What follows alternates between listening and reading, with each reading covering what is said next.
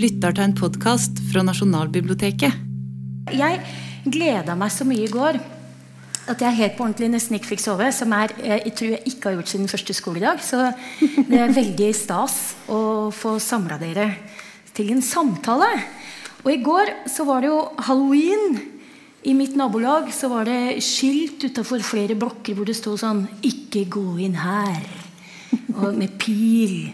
'Ikke gå inn her bare hvis du tør'. Og så var gatene fulle av små og store skrumt og hekser. Noen med stygg nese, og andre sexy i miniskjørt. For sånn er det jo. Og litt av det der med hvordan vi dagens og populærkulturens heksebilde, det skal vi tilbake til mot slutten av samtalen vår, tenkte jeg. Men så tenker jeg at vi må, vi må begynne et sted. Og da må vi kanskje bli enige om sånn eh, hva, altså, ja, Spørsmålet finnes Eller hva er en heks? Og når og dukker det begrepet opp? Eller hvordan skal vi definere det? Er dere enig i at det går an å begynne der? Ja, jeg kan godt uh, begynne der. Og jeg kan begynne med det juridiske, og hvor vi har begrepet heks fra. Det er nemlig ikke Vi har ikke hekser i Norge, eh, juridisk, historisk sett. Det vi har i Norge, navnet på forbrytelsen, er trolldom. Forbryterne heter i flertall trollfolk. Og så er det aller flest trollkvinner. Så er det noen trollmenn. Og det mest tragiske av alt i disse brutale hekseforfølgelsene er at vi har trollunger, som er det korrekte juridiske, historiske begrepet for denne formen for forbrytelse. Ikke bare i Norge, men også i de Eh, i de eh, nordiske landene. Heksebegrepet er et nytt begrep. Det kommer aldri inn i lovgivninga, og det kommer aldri inn i, eh, eller veldig sjelden inn i disse hekseprosessene i Norge. Litt mot slutten. En av de aller første som bruker heksebegrepet i mer skal vi si, litterær form, det er nordlandspressen Peter Dass men uh, heksebegrepet i Norge er vel gjort uh, mest kjent gjennom uh, Ludvig Holberg. Men det er altså det juridiske og, og, og historiske. Opprinnelig er jo heksebegrepet et tysk begrep som da brukes i, i de voldsomme trolldomsprosessene i de tyske småstatene på 1500- og 1600-tallet. Ja, fordi Hvis vi snakker om tidsrom, så er det jo en ting er hva vi kaller de som har eh, blitt, som har enten sagt sjøl eller blitt sett på at de har spesielle egenskaper. Men vi, vi, i hvilket tidsrom er det vi begynner å finne hekser eller trollfolk? Vi, hvor langt tilbake kan vi, vet vi at vi kan gå, liksom? Eh, ja, I norsk sammenheng så er vel faktisk eh, den første litt hekserettssaken, selv om det vel strengt tatt er mer under eh, Eh, hva skal jeg si, kjetter, eh, kjetterlovgivningen, så er det liksom en sak fra Bergen eh, i, på 1300-tallet som kan egentlig regnes som den første, eh, første rettssaken vi har knyttet til dette. Da ikke under en sånn trolldomslovgivning. Eh, men eh, hekseforfølgelsene i norsk sammenheng de starter jo ved siste halvdel av 1500-tallet. Da har man jo på en måte etablert et begrep. Men Rune sier jo noe veldig riktig når han snakker om at uh, det er et juridisk begrep. For det setter oss på sporet av sant, det spørsmålet du stilte innledningsvis. Finnes heksen? Mm. Og ja, heksen finnes. For heksen finnes som en juridisk størrelse. Mm. Eh, og det betyr at du har et helt samfunn som anerkjenner at heksen finnes. Den kan identifiseres og, eh, eller trollkjerringer og trollmenn. De finnes, de kan identifiseres, og de kan eh, straffes. Og det er nettopp det, altså, Hvis vi bruker trolldomsbegrepet, så kan vi gå veldig langt tilbake til eldre norsk lovgivning hvor trolldomsbegrepet og vi kan også si det sånn at I Norge og for så vidt i hele Norden så beholder vi det gamle begrepet, altså trolldomsbegrepet. Mens i England så skifter man så fra sorcery til witchery, witchery eller uh, uh, witchcraft. Og Det samme gjør man i, i, Tyskland, hvor det nye, moderne begrepet som beskriver en ny superforbrytelse, heks, duk, uh, dukka opp. Men altså i Norge og nordiske land så beholder vi det gamle. Så, så trolldomsbegrepet går veldig langt tilbake. Man mm. visste godt hva dette var, det også veldig langt før disse her uh, selve prosessene begynner. Og som du sier, så Ragnhild Tregagås mm. fra utafor Bergen er da den uh, første som vi kan vel si en slags typisk heksefigur. som som da blir dømt av kirkelig rett. Senere mm. blir det jo verdslig rett som tar seg av disse prosessene. For å ha drive med trolldom. Mm. Og, og hva, hva, var trolldom? Eksempler på det? Ja, altså det, det, kan eh, være svært mye, men vanligvis så er det at man gjør en eller annen form med skade, og til denne skaden er det knytta et rituale. Et rituale som da, når vi kommer til disse trolldomsprosessene, har sitt opphav hos uh, Satan. Og Det er litt viktig å få, få med at uh, uh, Hekseri og trolldom er da både knytta til den helbredende og den skadevoldende magien. Det var nok det vanskeligste for folk på denne tida for 400 eh, år siden å skjønne at også den hvite magien, eh, Snåsamann-lignende, eh, hadde sitt opphav hos Satan. Og det var jo det var kriminalisert gjennom norsk og dansk lovgivning på den tida. Men det går et skille her. ikke sant? Fordi at du har jo på en måte et samfunn som uh, nå bare Ut fra hva jeg har lest av dere, da. Det er ikke sånn at jeg er en ekspert på det. Men, men det dere begge to sier, er at du har et samfunn som har et, et, et verdensbilde hvor magi fins. Mm. Og hvor det er allmenngyldig. Uh, et, all, en, en allmenngyldig, et allmenngyldig verdensbilde. Mm. Og så Eh, og hvor man kan drive med ganske mange eh, helbredende kunster, f.eks. Mm. Eh, og så på et eller annet tidspunkt så, så, endrer det seg til at man på en måte demoniserer det og knytter det til noe som har med Satan å gjøre. Hva er det som, er det som skjer der? Hvor, hvor, hvor, hvor, og når og hvorfor? Jeg tror, jeg tror, jeg tror rettssalen Eh, hekseprosessene selv er på en måte et sånt veldig godt bilde på et sted hvor ulike forestillinger møtes. Og det er også i rettssalen at heksen, eh, liksom den store, onde trollkvinnen, eh, blir skapt.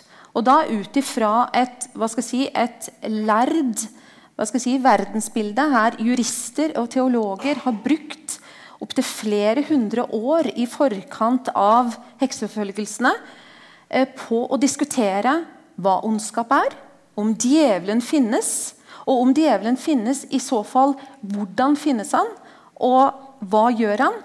Og hvis han gjør noe, hvem er det som gjør dette for han? Og da kan dere selv på en måte kanskje skjønne liksom, hva svaret er på det. Jo, det er heksen Djevelen som virker gjennom, eh, gjennom heksen og heksens onde handlinger.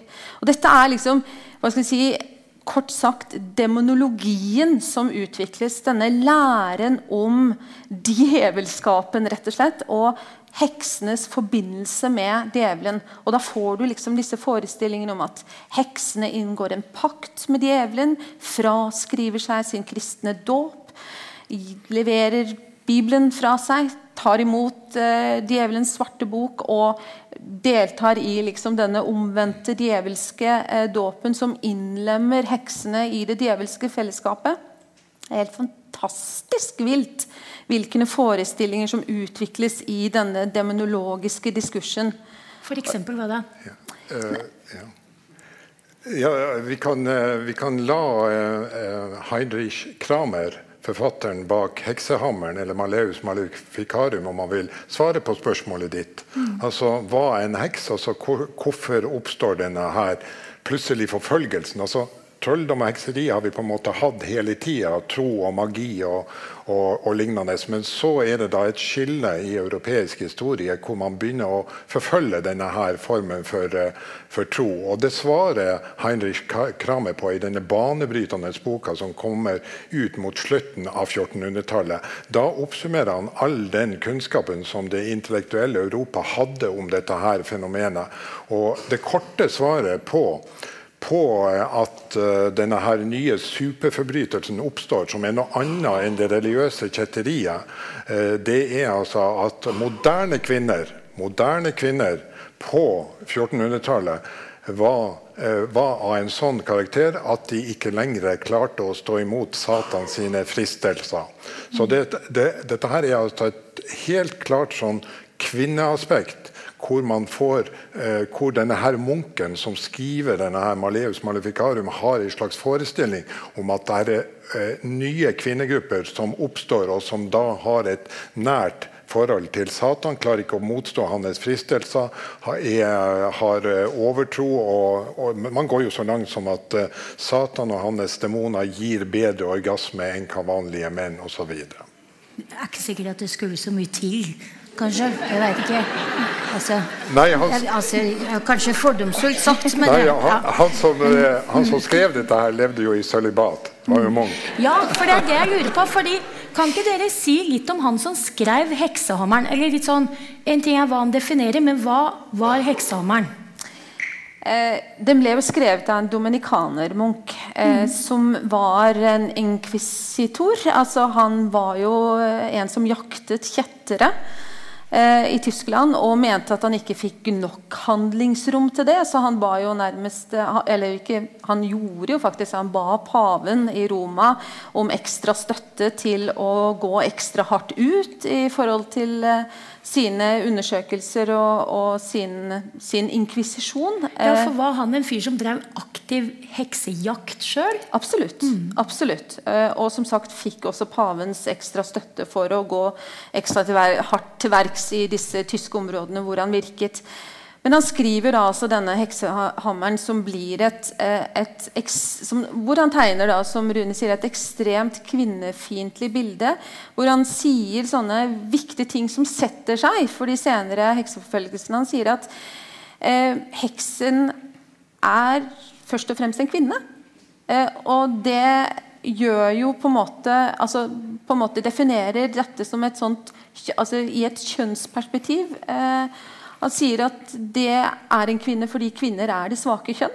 Eh, og det forklarer han i det vide og brede hvorfor. Eh, og, og, heksehammeren Det er klart, heksehammeren eh, det, det, var jo en diskusjon til alle tider. Eh, og det fantes en diskurs hvor folk også ikke på en måte eh, så seg enig i dette ekstreme synet til Eh, til Kramer og det som på en måte uttrykkes i heksehammeren.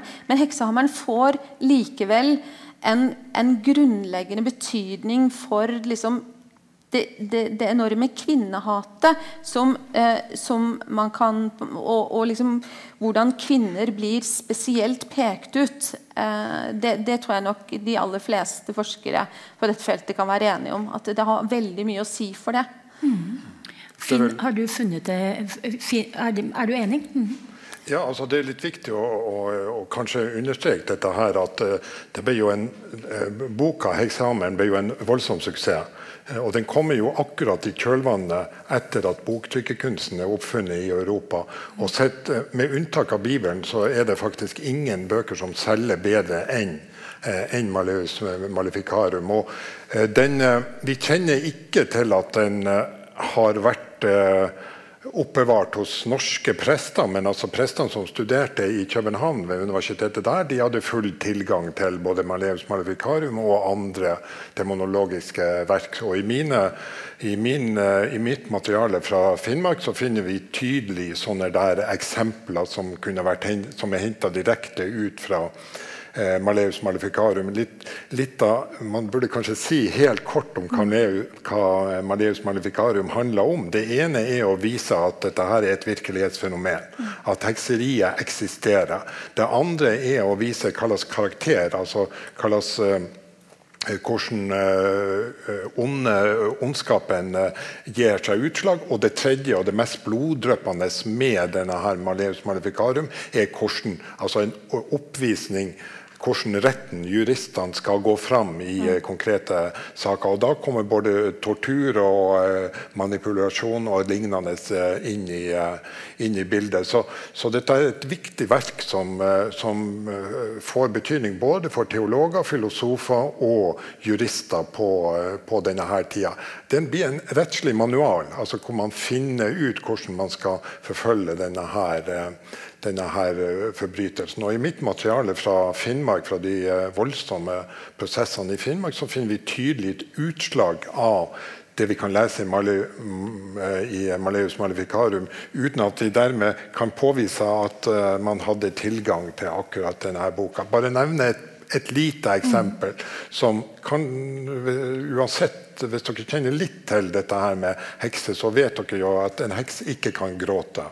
Og det er det er noe som kommer fra Maleus Maleficarum. For Satan binder tungeroten på den som er den som er stilt for rettsapparatet. Og eneste mulige måten å oppløse tungeroten og få vedkommende til å tilstå, til å snakke, det er f.eks. å kaste vedkommende på vannet for å utsette for vannprøve eller annen type sterk, sterk tortur. Da har man muligheter for å, for å, for å bryte Satans grep. Og dette er eh, akkurat det Maleus Maleficarum handler om. Mm. Og hvis vi skulle, kan ikke vi bare, Jeg tror de fleste vet det, men vi tilrettelegger Vi demokratiserer det i tilfelle ikke. Vannprøven. Vannprøven, ja. Det var jo rett og slett at man, man bandt en kvinne på hender og føtter, sånn at de ja, lå sånn, gjerne, og kastet dem på vannet. Og da var det jo Hvis du fløt, så var du en heks. Og hvis du sank, så var du uskyldig. Mm. En skikkelig god deal. Ja. man kan jo da legge til at i, uh, vannprøven er ikke så veldig godt kjent i, eller så veldig mye brukt i Norge, foruten i, i Finnmark. Jeg har i hvert fall, uh, i hvert fall 30 tilfeller i disse finnmarksprosessene hvor vannprøven har vært brukt. Og det var ingen som besto prøven. Alle, alle frøyt, og samtlige de har fått bålstraff. Jeg eh, må kanskje også legge til at det var ikke bare kvinner som ble kasta på havet. Ikke vannet, men havet. Men også, også samiske menn.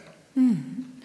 Ja, fordi at når vi kommer til altså Nå har boka blitt skrevet, og eh, magien er eh, blitt slem. Mm. Og eh, heksejakta har begynt over hele Europa, og også i Norge. Og hva skjer her? Ja, altså Vi har jo vært inne på når dette her begynte. Eh, som Ane sier, så, så, eh, kan vi datere de eh, norske trolldomsprosessene til slutten av 1500-tallet. Eh, Norges mest kjente heks må jo være Anne Pedersdotter, som, som fikk sin dødsdom i 1590.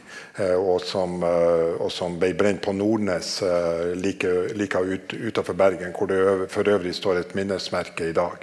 Og så har vi det vel kanskje den mest intensive perioden med eh, trolldomsforfølgelse i Norge fra eh, begynnelsen av 1600-tallet og til et eh, ja, stykke rundt 1660 der omkring. De verste prosessene f.eks. i Finnmark de kommer i, i 1662-63, da da 30 personer ble anklaga, og, og, nesten samtlige av disse ble brent, fikk døds, dødsdom. Og alle var kvinner, inkludert eh, en del Og det, det er det verste av alt. altså en del eh, små barn, små pikebarn fra 8, 10 og 12 år, 12 år gamle. Jeg må bare legge til at akkurat de ble Der ble saken anka. Mm. Og de eh, Vi har ikke brenning av uh, unger i Norge, heldigvis. Takket være Skjønnebøl, en, en, lagmann i, i, i Nord-Norge. Men vi trenger ikke å gå lenger enn til Sverige, Tyskland og en del andre områder hvor vi finner da at uh, små barn er kasta på bålet sammen med sine mødre, tante og bestemødre. Mm. Den siste, ja. den, siste, saken, den siste dødsstraffen som vi har kunnet dokumentere, i alle fall, den er jo fra 1690-årene. 1695, ja. Ja. Men da har man jo også, eh, på tross av det, altså flere eh, saker som når rettssalen, eh, holdt jeg på å si, eh, eh, langt utover på 1700-tallet, men hvor det ikke blir eh, dom. Og en av de aller siste er jo da faktisk med en eh, liten jente eh, oppe på Hedmarken som, som jo eh, forteller de mest fantasifulle historiene om hva hun har vært med på sammen med sin, eh, med sin bestemor, men hvor de på en måte avfeier det hele som eh, fantasi. Eh, og det er jo det som da skjer eh, i, i, mot slutten, ikke sant? At eh, ja, forestillingen ikke lenger har, den samme, har det samme holdet heller i, i, i, i rettsvesenet, rett og slett. kan jo være helt kort bare å, å ta med at uh, den norske trolldomsparagrafen som da gikk ut på altså Kristian 5.s norske lov fra 1687, så der står det jo at uh, trollfolk skal levende kastes på bålet. Det skal være dødsdom. Den ble først oppheva i 1842. Men har jo da vært en, en sovende eh, bestemmelse. For øvrig eh, erstatta kvakksalveloven, som også ble oppheva for noen år siden. Har dere tall i huet på hvor mange det var som, eh, som ble dømt til døden og drept? Vi har navnet, vi har navnet på ca. 310 personer som får dødsdom. Eh, og så vet vi at eh, per dag og Forskninga foregår fortsatt. Vi er ikke kommet igjennom alle arkiver. Men vi vet at ca. 800 mennesker var anklaga for en eller annen form for eh, trolldom. Alt dette her er minimumstall. Men eh, det er omtrent der det står. Det, den delen av Norge vi kjenner minst til, det er Trøndelagsområdet. og Der pågår det eh, full forskning nå, så der vil det komme en del eh, nye, nye resultater. Men ellers så begynner vi da å få ganske oversikt over hva slags type menneskeforfølgelse dette var i norsk sammenheng. Men hvem, ja, Det er, nok, eh, det er nok en god del mørketall. Eh, Det er jo noen som har antydet at vi kan kanskje ganske trygt fastslå at tallet på både dømte og på anklagede kan ha vært så mye som dobbelt så mye av det vi kan dokumentere. Eh, og vi som jo på en måte forsker litt på dette her, oppdager jo nye saker. Eh, eller spor av nye saker. Eh, som, eh, hvor, eh, man skjønner at noe må ha skjedd, men man på en måte rett og slett ikke ha, ha, har ikke kildene til det. Og I noen sammenhenger så er jo eh, retts, eh, hva skal jeg si, dokumentene, eller ikke rettsdokumentene, men kildene vi har til det, de er så sparsommelige at det eneste vi har, er utgiftene til ved som gikk til bålet. Eh, så det, der kan man jo på en måte forestille seg at da må man drive litt sånn konstruksjons, eh, konst, konstruksjonsvitenskap, eh, eller forsøke å liksom tråkle andre veier. Så, så no, I noen sammenhenger så har vi veldig få kilder til å liksom fastslå ting med sikkerhet. Men når det er sagt, så er jo den norske dokumentasjonen av hekseforfølgelsene noen av de aller beste i Ja, Europa. Hvorfor det? Ja, det ble gjort et veldig De var skikkelig grundig. det ble gjort et veldig veldig grundig eh, historisk eh, arkivarbeid på 1930-tallet som ble sponset av eh, Institutt for sammenlignende kulturforskning den gang. Eh, og da eh, hyrte man rett og slett et kobbel av skikkelig gode eh, si, eh, manuskriptlesere eh, som var vant til å håndtere gamle kilder, og som kunne lese dette oppstyltede eh, og ganske vanskelig tilgjengelige kansellispråket som man finner i disse offisielle for eksempel rettsaktene osv. Så, videre. så de saumfarte tingbøker og rettsprotokoller og eh, altså alle mulige typer eh, relevante kilder knyttet til ulike områder eh, i Norge. Og så vet vi jo at eh, tingbøker har vi jo ikke fullstendig. ikke sant? Vi, vi mangler kilder, men de gikk og systematisk til verks der de kunne. Og på den måten konstruerte et kildetilfang som til syvende og sist kunne konstruere eller på en måte lappe sammen hva som kan ha skjedd i noen av disse prosessene. Og i noen sammenhenger så har vi jo selvfølgelig eh, rettsaktene selv eh, bevart. Og det var disse litt, du eh, kom over på et Ja, tidspunkt. det er litt viktig å, eh, å kanskje ta med eh, litt historisk kildekritikk. At uh, i de områdene hvor vi har eh, veldig god dekning av rettsprotokoller fra 1600-tallet, som f.eks. Finnmark, så finner vi ekstra mye, mye trollfolk. Altså med andre ord, En av grunnene til at det blir så mye trollfolk i Finnmark, har litt med kildesituasjonen å gjøre. Men nå har den vært spesiell.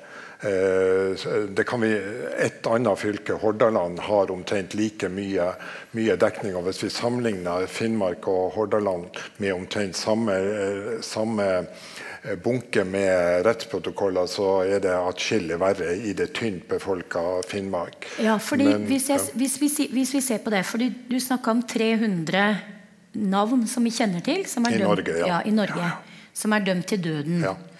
Og av dem så kan vi plassere ganske mange av dem i Finnmark. Ca. 40 av de, de dødsdommene for hele Nord-Norge, og da er det særlig, særlig Øst-Finnmark hvor man finner de, altså de eh, fire, fire fiskeværene Vadsø, Ekkerøy, Kiberg og fremfor alt Vardø. Det er de, det er de eh, Og så er det en relativt stor bolk i Hordaland Ja, også. ja. Men hva er det Og da sier du nå at noe av det kan skyldes at man har veldig god dokumentasjon fra Finnmark, som du kom over. Eh, Ja. Du fikk grave deg gjennom gulnet papir, som har vært en, en slags erotisk drøm for en historiker å Ja, arkivare det finne. det kan man, eh, det kan man, støv i eh, øyebrynet. Hva har jeg her? Ja. Ja. Nei, det, det kan man godt si. Altså, Mm. jeg får ofte spørsmål hvorfor er det sånn at vi har så gode kilder fra akkurat Finnmark.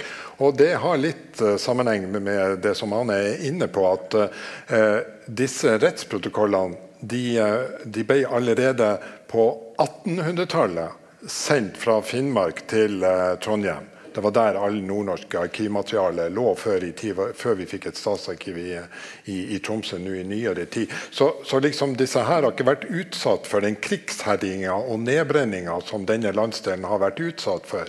Så Det er det ene, men allikevel har vi noen århundrer å gjøre rede for før det. Og, og eh, det har nok sammenheng med at vi har hatt eh, dyktige sorenskrivere og lignende som har tatt vare på dette her, til, til tross for at eh, at eh, regionalhovedstaden har både vært i Hammerfest, Vardø, Vadsø og Alta, og delvis også i Tromsø. Men det er iallfall en interessant tanke da, eh, å, å leke seg med at kanskje det var slik at ikke man var spesielt aggressiv i Finnmark, men at kildetilfanget vårt er bare så mye bedre der. Det må vi ikke finne ut ennå. Ja, altså Jeg kommer jo fra det gamle fylket Aust-Agder, og der er det jo knapt noen hekser i det hele tatt som vi har eh, prosesser til. Og det finner jeg jo egentlig litt underlig. Jeg også. Jeg har vært her flere ganger. Jeg syns det høres veldig rart ut. Mm. Det er ikke sånn jeg opplever det fylket. Nei, ikke sant? Men, eh, men hvis vi nå skal se litt på sant, disse 300 og noe skjebnene Hvem Altså, jeg lurer på eh, Du har nevnt noe om samiske menn. Det, var, hvem, hvor mange menn og kvinner var blant dem? Og hvem var de egentlig? Kan vi se noen fellestrekk? Vi har jo gjerne ideen om at dette er jordmødre eller kloke koner. Eller er det, er, er, stemmer det? Hvem var de? Hva, hva kan man si om det? I Norge, så, I Norge så er dette her en klart eh, kvinneforbrytelse. Eh, av disse her eh, 310 navnene vi kjenner til, så er det ca. 260 kvinner som får dødsdom, og da litt under 50, 50 menn som får eh, dødsdom. Og over hele Europa er dette her Det er jo, i seg, det er jo interessant i seg sjøl at eh, en grov form for kriminalitet, der utgjør kvinner majoriteten av, eh, av forbrytere. Og det er jo eh, helt unikt, og forhåpentligvis siste gang i historien dette, eh, dette skjer. Så det, det er jo kanskje hovedspørsmålet. Altså hvorfor er det kvinner som utgjør majoriteten av denne formen for eh, kriminalitet. Og så spør du om hvem var disse her. Og i hvert fall i eh, mitt materiale, jeg tror vi kan kanskje si for eh, Norge som sådan, så er dette ikke noe fattigdomsmønster, men et skal vi si, tverrsnitt av, av, den norske befolkning på den tida. Det, det, gjelder, det, gjelder, Finnmark, og jeg mener det gjelder store deler av, av landet ellers. Vi har folk, kvinner fra høyeste lag, sånn som Anne Pedersdotter i, i, i Bergen. Og så har vi tjenestejenter, mange tjenestejenter i, i, Finnmark. Så har vi eldre, så har vi yngre, så har vi godt gifte folk. Eh, det er litt vanskelig å, å Foruten at det snakk primært snakk om kvinner, så, så, er det kanskje litt vanskelig å si noe annet enn at dette er et tverrsnitt av den norske befolkninga på den tida. Eh, og tidligere forskning har lagt vekt på at dette er et fattigdomsfenomen, men, eh, men det er noe vi har uh, gått bort fra i de, i de siste tiårene. Mm. Ja. Men det er klart at var du godt gift eh, og hadde en mann i live eh, Eh, som du var på en måte Ja, eh, så var du nok bedre beskyttet. Eh, Anne Pedersdatter er jo et veldig godt eksempel på det. Hun hadde vel to prosesser mot seg. Nå må du si mer om henne, for nå har dere nevnt henne flere ganger ja. som om hun er vår bestevenn. Ja. Og det er ikke sikkert ja. at alle kjenner henne. Mm. Ja, nei, hun er jo en som blir, eh, hun er jo en som blir beskyldt for, eh, for si, trolldom og for forgjørelse. Rett og slett har kastet sykdom på eh, sine tjenestejenter. vel, For det er de som anklager henne. Og hun bor altså i, i Bergen eh, med Pedersen Beyer, som er en, en eh, godt utdannet mann. Har vært i utlandet, fått sin utdannelse og som har en prominent stilling i Bergen. Eh, og Hun blir altså anklaget eh, det er to ganger, er det ikke det? mens han eh, fremdeles lever. Og hun går fri, selvfølgelig med hans beskyttelse og med hans hjelp, mens han lever. Og når hun er blitt enke, så er hun altså utsatt for anklagelser en tredje gang. Og det er da hun må bøte med livet. Og det er da hun ikke hva skal jeg si, greier å beskytte seg lenger. Og Det vitner jo litt om eh, selvfølgelig den utsatte eh, og underordnede stillingen som kvinner hadde på den tiden. Og det viser også hvor viktig det var at man hadde noen som kunne gå god for seg, og som kunne vitne og, og gi deg gode skussmål. Og hvis du ikke hadde det, Eh, sånn som eh, f.eks. utsatte enker, som kanskje også hadde mistet midlene sine, så var du, så var du eh, utsatt på en helt annen måte. Eh, og Det er jo derfor vi ser mange eldre enker eh, tross alt i materialet. Må jo kanskje legge til at I den siste delen av Anne Pedersdotter sin eh, sak så er det svært alvorlige anklager mot henne. Hun blir anklaga for å kunne fly i luften og ha heksesabbat både på Lyderhorn og på Fløyen. Og, eh, og, Der konspirerer de sammen med andre kvinner og Satan i midtpunkt. Og de har da planer om å stikke Bergen, hele Bergen by i, i, i brann. Og det er jo det som da på en måte er utslagsgivende for dødsdommen mot henne. Så er det litt, også litt viktig å få fram at det var uenigheter, sterke uenigheter eh, når det gjaldt denne her dommen.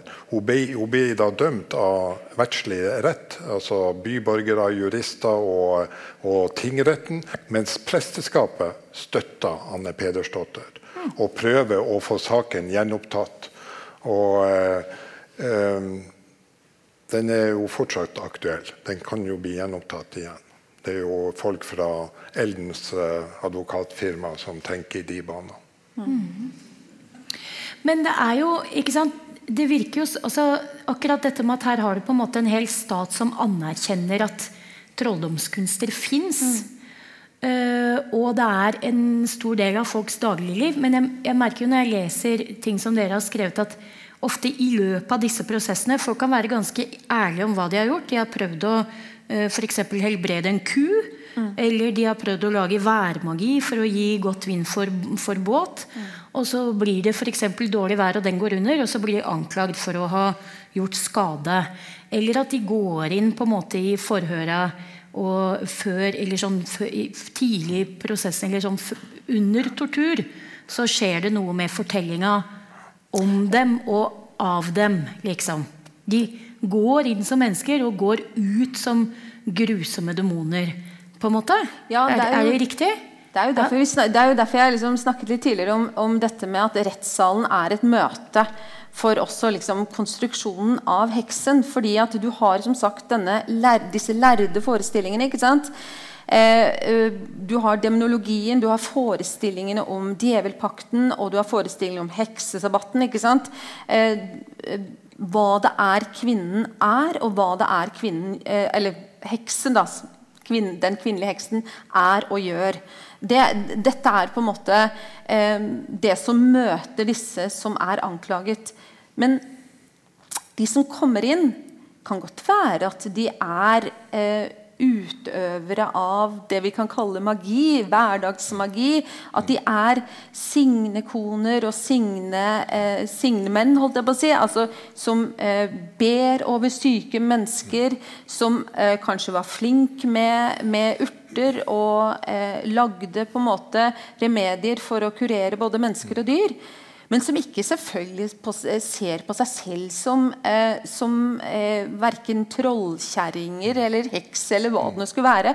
Og i alle fall ikke som sånne diabolske, flyvende eh, eh hva skal jeg si, djeveltilbedere. ikke sant?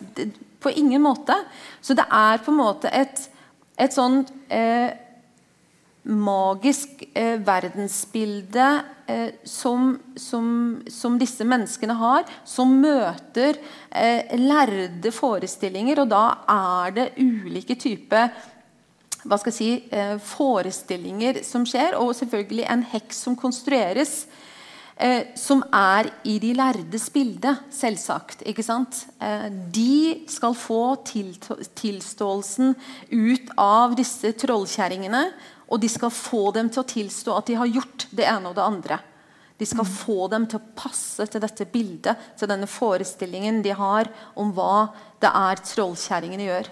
Mm. Eh, kort, eh, for å eh, Veldig greit det du sier. Altså, vi kan kalle det for en demonisering av mm. folkelig tro, eller folkelig trolldomstro. Og hvis jeg får anledning til å nevne et lite eksempel, og da, da er vi igjen i eh, Finnmark, eh, og Kive Bårdsen, samisk sjaman vil noen kalle han for, han, han ble eh, brukt i Alta-området til, til å kurere gjennom ritualer og magi til å kurere sykdom og lidelser og lignende. Og blant annet var han ekspert på å lage god seilvind til folk som var ute, ute og, og, og fiska og skulle ha eh, båtlaget frem og tilbake.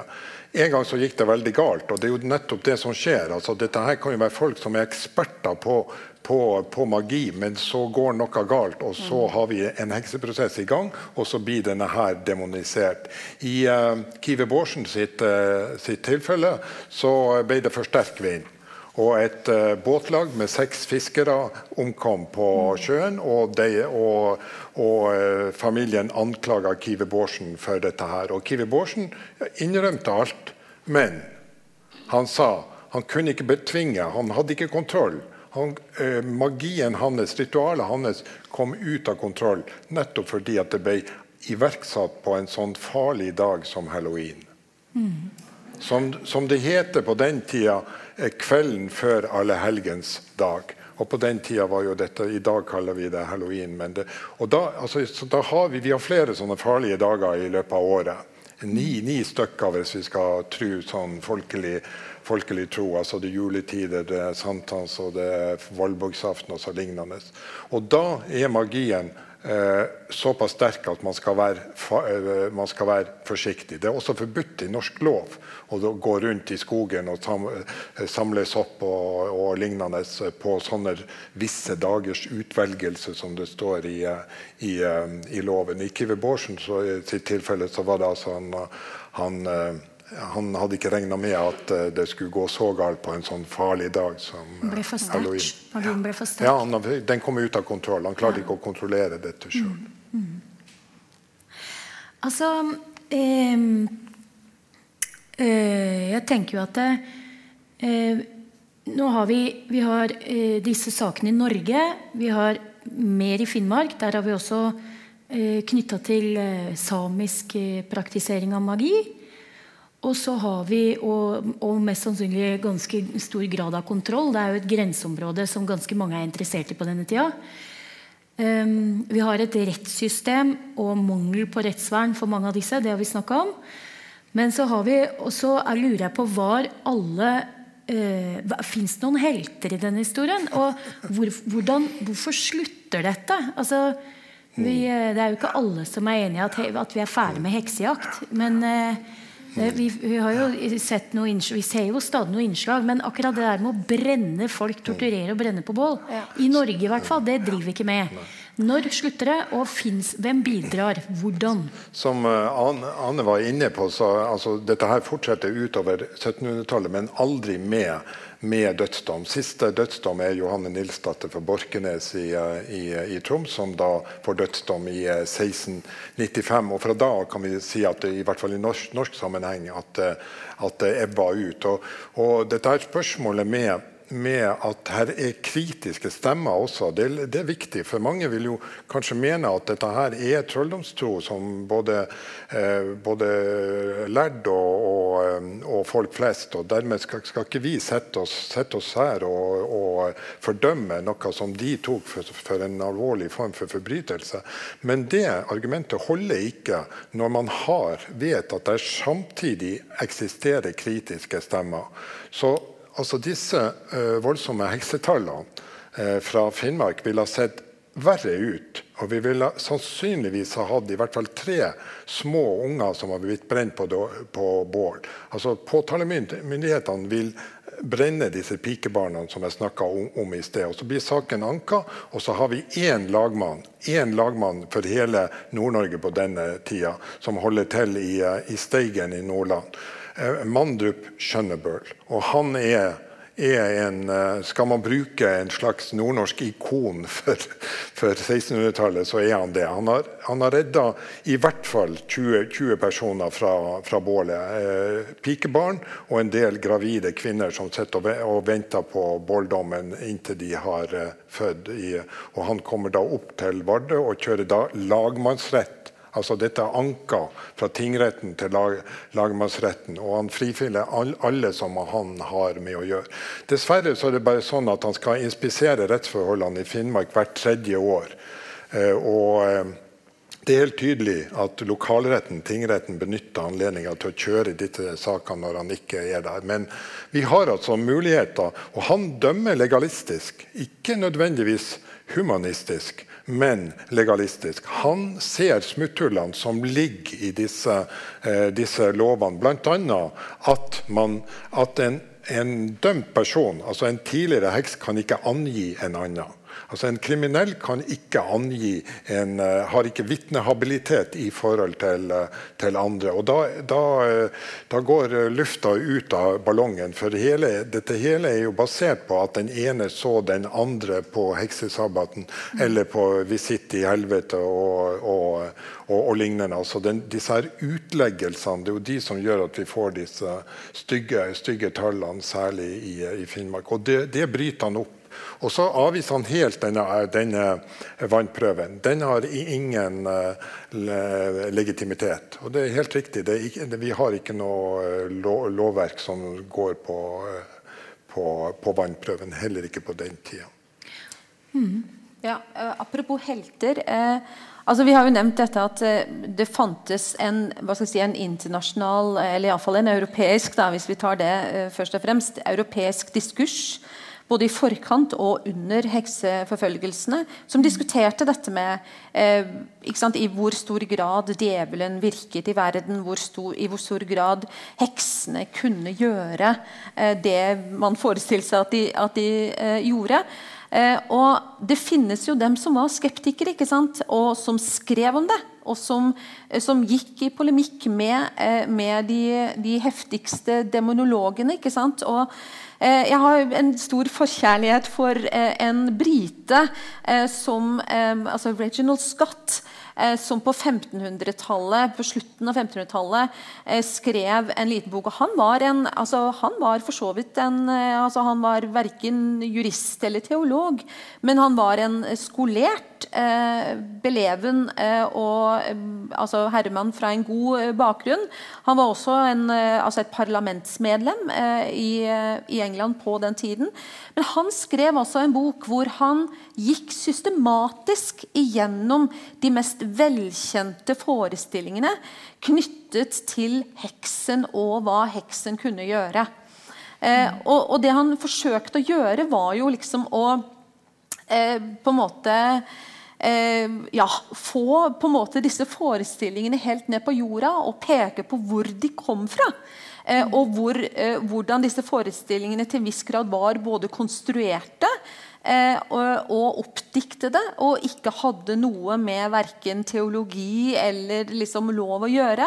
Og han er på en måte en sånn eh, Og han er ikke en ensomstemme, men han, er en, han ble lest, faktisk. Eh, og han fikk trykket sin bok, og den ble distribuert og, eh, i flere, flere opplag utover også på 1600-tallet.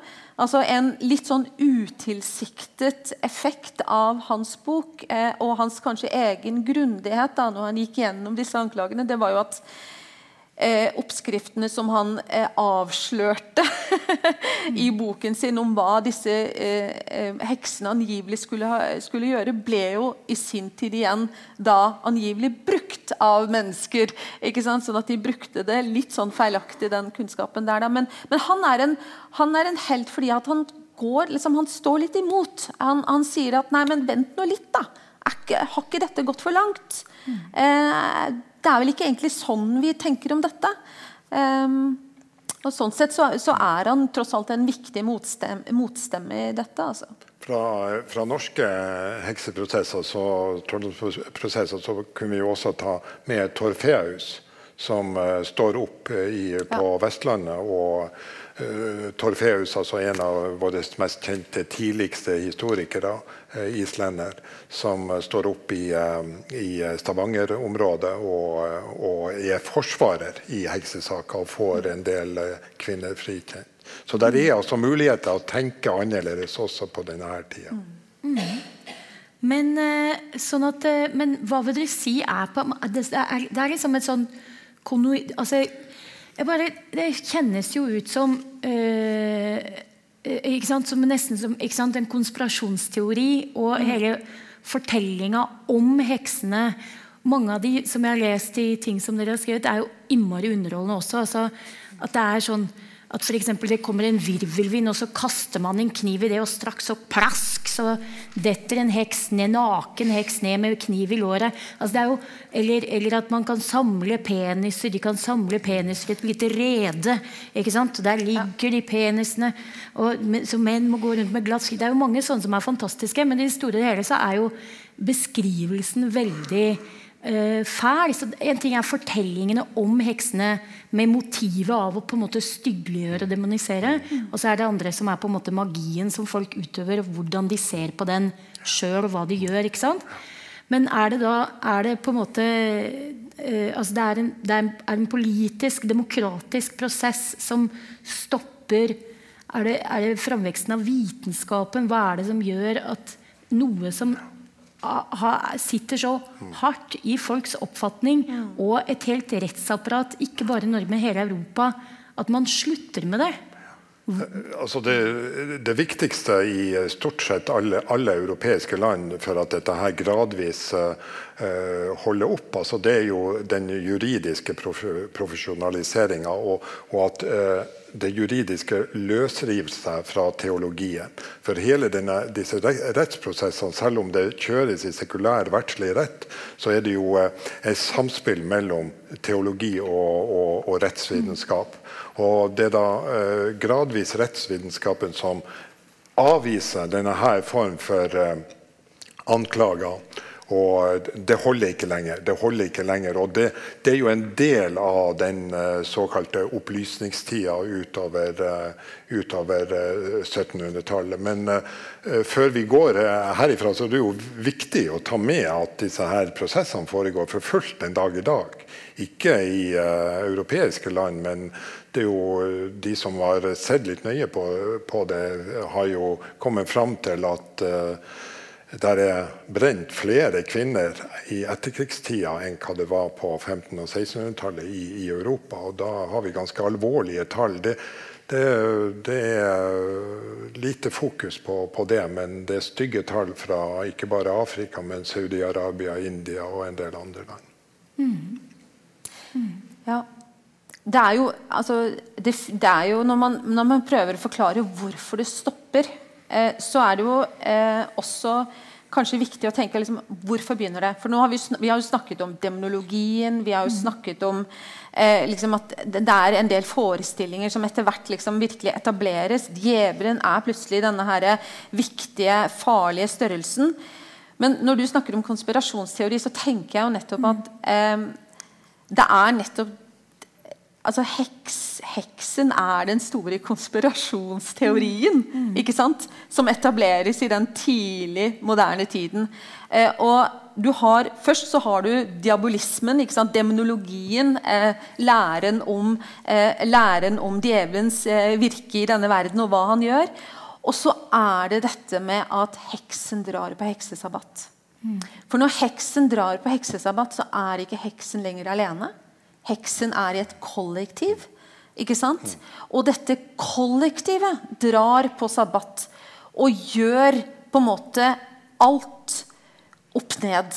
Setter alle samfunnets eh, normer og regler og verdier på spill gjennom sin liksom, eh, opp-ned-verden. Eh, og Når de gjør dette som et kollektiv, det er da de også blir kollektiv, en, en, kollektiv trussel for samfunnet slik man kjenner det. Og Det er jo det disse hva skal jeg si, demonologene snakker om på slutten av 1500-tallet. Det er samfunnstrusselen. Og da er det nettopp, nettopp denne demonologien og sabbaten som, som, som, på en måte er den største trusselen. Og det er jo denne hva skal jeg si, konspirasjonsteorien som da blekner på 1700-tallet. Og den blekner fordi djevelen får en annen funksjon. Ikke sant? Djevelen hva skal jeg si, tas inn i kirken igjen på et eller annet vis. Eh, og får, eh, eh, og, hva skal jeg si, får andre fortegn. Eh, i hva skal jeg si, den, liksom, den teologiske eh, diskursen. Og så er det det at de forestillingene da, som folk flest hadde, eh, eller som, som, som, hadde på en måte troen på det overnaturlige som en del av sin, sitt verdensbilde, de er ikke lenger magikere eller hva skal si, farlige trollkvinner men de er mennesker som er preget og um, lider av overtro. Mm. Så overtrodiskursen får på en måte eh, en mye viktigere eh, rolle på, eh, på 1700-tallet, og som gjør at si, trolldommen blir ikke så farlig lenger. Da. Rett og slett. Det, jeg tror det, liksom, det, det ligger noe der òg. tror jeg er veldig viktig. Jeg tror også det bare for å føye til at eh, det som vi kan tenke oss at veldig mange både i rettssammenheng og, og på universitetene i Europa hadde tenkt når, når man er oppi dette, her, er at man er i ferd med å avsløre en form for organisert kriminalitet som opererer i det hemmelige. I visse deler i Europa, særlig i grenseområdene, så ser vi også at at indre og ytre fiender betinger hverandre. Altså det at man er opptatt av ytre fiender, eh, også gjør en særlig opptatthet av noen som man mener er i ferd med å undergrave samfunnet og lokalsamfunnene nedenifra. Og så er det, Jeg var inne på dette her med at det er juristene som kanskje bryter ut eh, først av dette her, denne her mentaliteten. Men det, det er jo også en en skal vi si, mer overgripende eh, mentalitet. altså Disse hekseprosessene begynner i ei tid hvor eh, teologien er veldig Det er ingen århundre i Europa at man har vært så opptatt av dommedag som 14-, eh, 15- og 1600-tallet. Og det der, den der dommedagsfrykten altså under dommedag, de siste dager, hva gjør man? Hva er praksisalternativet eh, i de siste dager? Altså, Luther var, trakk seg tilbake midt under reformasjonen og oversatt Bibelen fordi at folk flest skulle få kjenne til det, det sanne ord før eh, dommedag satt inn. Og Det samme, er Kramer eh, når han laga Maleus Maleficarum. Det, er et hastverksarbeid. Det måtte ut til folk før eh, før dommedag eh, kom. Og det der trykket det letta, letta gradvis. Og dette, så dette her har også med en teologisk endring som da kommer i, eh, i gradvis i løpet av denne her eh, denne her opplysningstida. Vi kan godt si det sånn at Satan trekker seg tilbake til helvete, Gud trekker seg tilbake til himmelen og sitter og venter på rekrutter i stedet for å være ute i samfunnet og verve dem. Mm. Vi må begynne å gå inn for landing, men før det så skal vi se litt på eh, Jeg tenkte å, å, gi dere anledning til å si noe om hva som Hva tenker dere er igjen av denne, disse skikkelsene, som ble, disse bildene som ble skapt av, av de forfulgte kvinnene, f.eks.? Eller hva er igjen? Hva har vi rundt oss nå?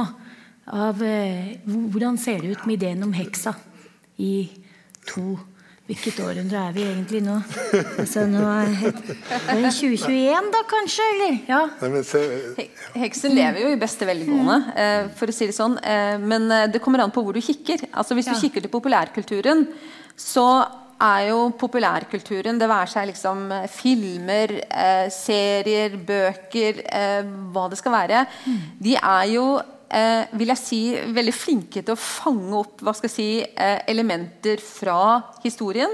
Og så bruker de det, og så videreutvikler de altså Harry Potter er jo et, eh, synes jeg, et helt fantastisk godt eksempel på eh, hva skal jeg si, en forfatter som lager dette univers som, hvor hun egentlig trekker, eh, vil jeg si da eh, liksom noen av de virkelig sentrale bitene av magihistorien ut. Og, og bruker og, videreutvikler det til et sånn eget univers. Eh, men det er, når man på en måte kjenner litt til magihistorien, så, så skjønner man også når man for leser Harry Potter, at hun har på en måte skjønt noe. Hun har skjønt viktigheten av rekvisittene når man skal utføre magi. Jeg mener De norske svartebøkene eh, viser jo til fulle hva man, liksom, hva man brukte når man skulle utføre sine magiske ritualer. ikke sant? Eh, men hun, hun, har skjønt dette med rekvisittene. Hun har skjønt dette med eh, det å resitere, det å si noe høyt når man skal liksom, ha disse magiske ritualene. Og man, hun har skjønt ikke minst liksom, eh, det at det er viktig å utføre ting på en riktig måte. Eh, på en helt pressiskriv, eh, liksom, eh, riktig nedskrevet måte for at ting skal virke. og det er på en måte essensen til alle tider i magien. Rett og slett. Det er på en måte essensen i de magiske ritualene. Eh, det, så, så, hun er kjempeflink til å bruke det. Men så er det jo jeg mener, eh, Tenker vi at troen på det overnaturlige er borte i dag? Det tror vi jo ikke. Mener, vi Bank i bordet. Nei, men, eh, men altså, hvis vi ser rundt oss, så finnes det nok av samfunn og foreninger som, som, som nettopp dyrker eh, forestillinger om at det finnes mer mellom himmel og jord. Eh, eh det, det, er engletro. Det er eh, folk som tenker altså, folk som, eh, som, som, tenker at man har beskyttere. Mm. og det liksom yndete norske uttrykket eller ikke bare norske, men internasjonale uttrykket for det man ikke helt kan sette ord på, men som likevel er en type kraft, nemlig energi. Det tenker jeg Der tenker jeg nøkkelen ligger til moderne forestillinger om hva skal jeg si, det overnaturlige. Mm. Rune?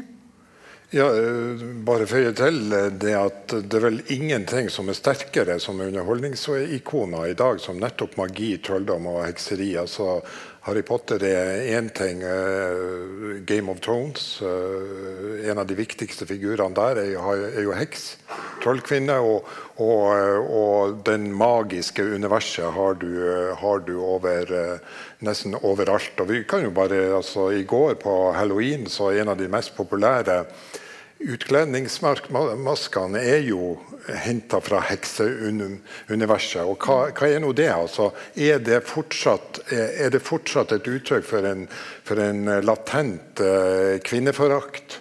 Uh, det er mange som mener det. Vi har kampanjer i, i flere europeiske land som tar opp akkurat, uh, akkurat dette her. Også på den andre sida har vi da folk som vil gjenreise heksefiguren som et positivt uttrykk for en sterk kvinne. Og Det kan vi jo peke på eh, noen av disse her eh, Det er flere paganistiske bevegelser, moderne heksebevegelser. Og de, de vokser i Norge nå, helt, eh, helt, helt klart. Og der, der, er mange avarter, men de har det til felles at de vil bruke heksebegrepet og omformulere det til noe, noe positivt, og særlig knytta til kvinnelig styrke og, og, og egenskaper og, og, kunnskaper. Det kommer vi til å høre mer, mer om. Jo, en liten historie er jo når vi starta heksekurs ved Universitetet i Tromsø på historie tidlig på 2000-tallet, så fikk vi jo en strøm av, av bachelorstudenter.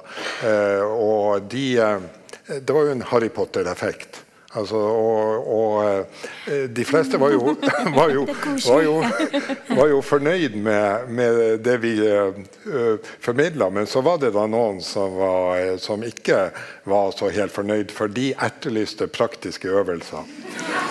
Altså, og det er jo en perfekt overgang til, til en avslutning som du, Ane, skal få lov til å ta. Fordi ja du, din ekspertise, eller en av dem, er jo svartebøker, som det for øvrig fins en ganske bra samling av her på det huset vi sitter nå. Ja, man kan uh, gå og se hvis man, Jeg tror man kan, må, kan bli guida gjennom. Søke om det. Og jeg har bedt deg ta med noen formularer ja. som er sånn som folk kan prøve hjemme, rett og slett. Ja. Ja, eh, ja, og ikke sant eh, jeg tenkte Siden vi var her, så måtte jeg eh, ta dette fra en svartebok som faktisk finnes her på huset. Eh, så det har jeg altså gjort. Eh, det er en bok som kan dateres til faktisk sent sent 1700-tallet, 1700 kanskje så tidlig som rundt 1800. Men det er en vakker bok eh, på over 100 sider. Er den håndskrevet? All, alle er håndskrevet, mm. alle håndskrevet eh, med en vakker håndskrift. Eh, og der er eh, skriveren av denne boken veldig opptatt av ulike ting. Men spesielt opptatt av at mennesker skal like han. Og vi vet at sannsynligvis at det er en han, eh, for det var stort sett menn som skrev disse bøkene. Eh, vi kan ta Den Den er jo snill og fin. Eh, og, og den sier jo som sagt at hvis du skal få folk til eh, å like deg, og f.eks. besøke en gård og ønske at alle på dette stedet skal like deg, så skal du, når du nærmer deg denne gården, si følgende Nå går jeg i Jesu navn til denne gård. Eh, god yndest jeg der får. Først av den ene, så av den andre, og så av den tredje. Og så av alle som meg ser, og meg møter, og meg nevner. In nomine Patris Filitus Spiritus Sancti. Amen. Det husker dere utenat. Du må gå tilbake og se på streamen. Har du en til? Jeg har altså, jeg en til. Jeg liker eh, og den er, mer, ja. den er litt mer grådig. Fremdeles vil jeg si av den absolutt snilleste slaget, selv om det kanskje innebærer eh, litt herjing med dyr, og det er jo selvfølgelig ikke bra. Men hvis man skal få alt man begjærer så skal man altså gjøre følgende. Ta øynene av et uglehode, kast dem i vann, så flyter det ene opp, og det andre synker. Ta det som synker, legg det inn i en sølvring eller en kule. Bær det, eller bær det, eh, bær det hos deg mens du går, eh, og så kan ingen nekte deg det du begjærer. Og det kan hende at dette er snakk om en kvinne, altså. Det kan hende ja. Altså, Rune Bliss Hagen og Ane Orvik, tusen, tusen, tusen takk for at dere kom. Mm. Og takk for at dere kom. Og da har vi eh, Da er det bare å Da har vi satt av fem minutter til applaus.